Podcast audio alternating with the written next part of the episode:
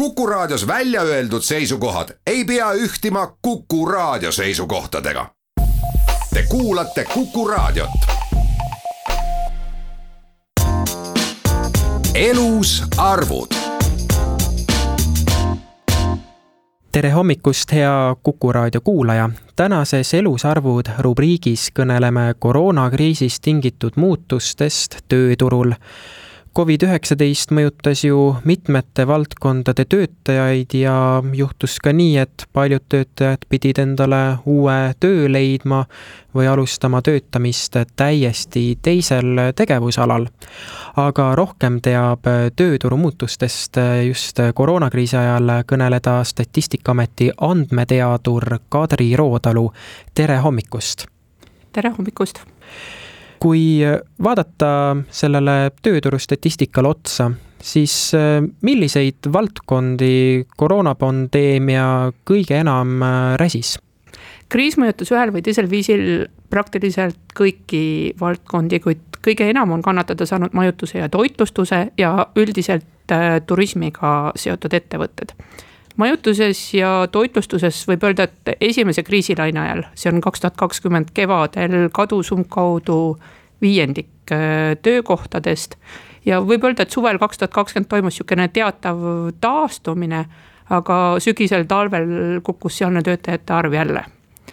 Äh, töötajate arv on vähenenud ka mujal teeninduses ja kui uuesti rääkida kevadest kaks tuhat kakskümmend, siis äh, ka kaubanduses, aga seal oli langus mõnevõrra väiksem ja teine koroonalaine neid töökohti enam nii palju ei puudutanud, sellepärast et piirangud ei olnud niivõrd suured. huvitav juhtum siin on ehitus et selles valdkonnas äh, mindi eelmise aasta alguses kriisile vastu hästi suure töötajate arvuga üheksateistkümnendast aastast suuremaga. ja järgnes langus, aga samas tundub, et sihukest kardetud töömahtude kukkumist vist ikka ei toimunud ja töötajate arv äh, juht, jõudis üsna ruttu sellele kriisieelsele tasemele tagasi. ja praeguseks võib öelda, et ehituses on töökohti peaaegu sama palju kui suvel kaks tuhat üheksateist ja sarnane lugu on ka info ja side tegevusalal. Äh, ilmselt äh, ka seal kriisi ajal natukene töölepingute lõpetamisi toimus. aga üsna ruttu oli töötajate arv juba kriisieelsest tasemest kõrgemal. ja kuni praeguseni on see pidevalt tõusnud, aga siin tuleb muidugi silmas pidada, et info ja side tegevusala alla lähevad sihukese äh, programmeerimise kõrval, mis esimesena meelde tuleb ka sellised valdkonnad nagu kirjastamine või telesaadete, raadiosaadete tootmine, meediateenused. ja need on tegelikult sellised alamosad, kus äh, töötajate arv ka vähenes aga sellist valdkonda, kus koroonapandeemia midagi väga ei mõjutanud, sellist ei ole või kuidas? oli ka võitjaid, näiteks äh, finants- ja kindlustustegevuses äh, töö, töösuhete arv äh, suurenes pidevalt. töösuhete arv on suurenenud ka tervishoiu alal ja haridus ja siis avalik sektor on olnud siuksed pigem kriisist puutumata kui jätkata selle majutus- ja toitlustusvaldkonna teemaga, et see sai ju kõige rohkem räsida, mis on nendest inimestest saanud?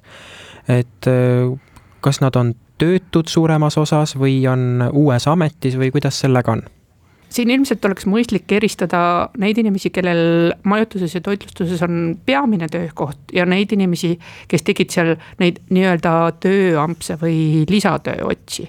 et äh, nende lisatööde puhul ilmselt see töökoha kaotus ei ole nii suur probleem, sest mingisugune töö jääb ju alles aga kui vaadata seda üldarvu, siis majutus ja toitlustus oli selline sektor, kus kaks tuhat kakskümmend veebruaris töötajaid oli veidi alla kolmekümne tuhande. ja selle sektori töötajate arvu muutused olid varasematel aastatel olnud selliselt, et, et talveperioodil oli töötajaid kuskil seal kolmekümne tuhande ümber.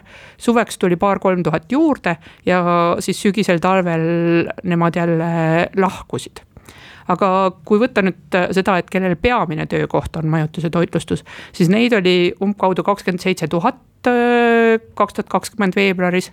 ja nendest äh, viiendik kaotas eriolukorra ajal töö, ehk siis kaks tuhat kakskümmend märts, aprill, mai ja mis nendest sai, nendest töö kaotanud inimestest suurem osa selle eriolukorra lõpuni jäigi töötuks. kuigi natuke asuti ka tööle teistesse sektoritesse, samas töötute või siis äh, teistes sektoris töötanud inimeste arvelt äh, tuli sinna ka äh, inimesi juurde umbes seitsmesaja jagu. ja kui me räägime eelmisest aastast, siis eelmise aasta suvel oli majutuses ja toitlustuses korraks nii-öelda hingetõmbepaus, et tuli juurde rohkem inimesi, kui lahkus.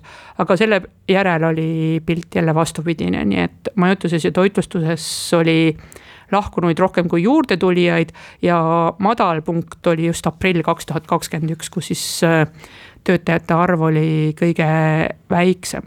kui rääkida selle aasta suvest, siis on ka näha sam samasugust pilti nagu eelmise aasta suvel, et vahepeal töö kaotanud äh, inimesed on taas tööle saanud aga kui me nüüd vaatame neid, kes eriolukorra ajal töö kaotasid, siis äh, praeguse seisuga hinnanguliselt kaks tuhat tükki nendest on endiselt äh, tööta või me vähemalt äh, registrites ei näe nende töötamise kohta juuli lõpu seisuga mingeid märke. nii et kaks tuhat kakskümmend üks juuli lõpp peamine töökoht majutuse ja toitlustuse alal on kuskil kahekümne neljal tuhandel inimesel, ehk siis miinus kolm tuhat töötajat kriisieelsega võrreldes. samas aprilliga võrreldes, selle aasta aprilliga, kui oli see madalpunkt, siis pluss kolm tuhat töötajat ja siin võib-olla tuleks ka juurde märkida, et, et see taastumine siin suvel, eriti sellel suvel on olnud just toitlustuse poole pealt. et majutuses on töötajate arv praegu ikkagi paari-kolme tuhande võrra väiksem, kui ta oli näiteks kaks tuhat üheksateist suvel. aga mis valdkondades üldiselt äh, need inimesed on suundunud, et kui neil ei ole enam võimalik äh, majutuse ja toitlustuse alal töötada? kui vähegi võimalik, siis pöördutakse ikkagi tagasi oma tegevusalale. Ja kui see ei ole võimalik, siis minnakse valdavalt teistele teenindusega seotud tegevusaladele, samamoodi kaubandusse. eelmise aasta suvel loodeti ka seda, et äh, äkki need teeninduses töö kaotanud inimesed läheks põllumajandusse abiks, kuid seda ei juhtunud. Ja samamoodi me teame, et praegu tööjõupuudus pigem on infos ja sides. et sellesse valdkonda ka ei ole väga kerge majutusest ja toitlustusest minna või näiteks finantsvahendusse. et info ja sidealale kui me vaatame jällegi neid, kes eriolukorra ajal töö kaotasid, siis sadakond inimest nendest on ainult äh, asunud tööle ja info ja side valdkonda. võib arvata, et äkki nendest märkimisväärne osa oli siis tudengeid, kes oli teinud äh, näiteks toitlustuses oma lisatööd kui vaadata ka sellele statistikale otsa soo ja vanuse aspektist, et äh, milliseid muutusi siinkohal näha on? esimeses koroonalaines äh, kaks tuhat kakskümmend kaotasid kõigepealt töö pigem nooremad inimesed. aga samas nooremate inimestega on hea see, et nemad leiavad uue töö palju kergemini.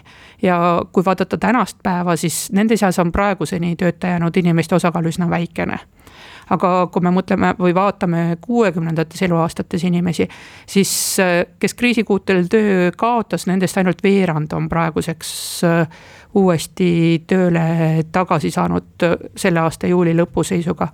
nii et võib vist öelda, et mida noorem inimene, seda kiiremini ja kergemini leiab jälle ka uue töö aga soo järgi, et, et me so, ei saa öelda, et soo järgi oleks siin nüüd väga suuri erinevusi. samas majutus ja toitlustus üldiselt on selline feminiinne sektor, samas ei saa öelda, et äh, selles sektori sees oleks töö kaotanud nüüd proportsionaalselt rohkem mehed või naised.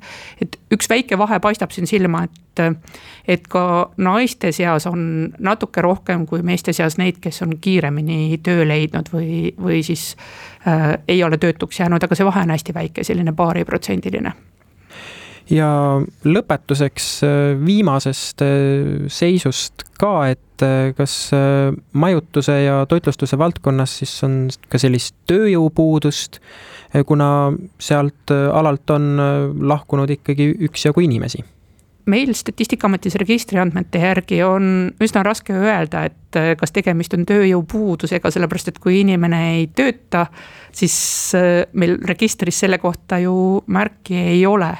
Aga kui vaadata Töötukassa vabade töökohtade statistikat, siis tõesti on näha, et päris palju selle valdkonna töökuulutusi seal praegu on. et kui spekuleerida selle üle, et mis on takistuseks, et miks ei minda siis äh, sellesse valdkonda tagasi, siis üks takistus ilmselt on palk. et äh, selles sektoris palgad pigem kipuvad jääma sinna miinimumpalga lähedale. ja üldiselt viimastel kvartalitel ka palgatõusu ei olnud. ja teiselt poolt jällegi noh, võib-olla hoiab inimesi ka tagasi see, et, et majutus- ja toitlustuse valdkonna saatus äh, on endiselt ebakindel, me ei tea, missugused piirangud järgnevatel kuudel võivad tulla aga suur-suur aitäh teile, Statistikaameti andmeteadur Kadri Rootalu, et leidsite aega lähemalt rääkida sellest, kuidas on koroonakriisist tingitud muutused mõjutanud meie tööturgu.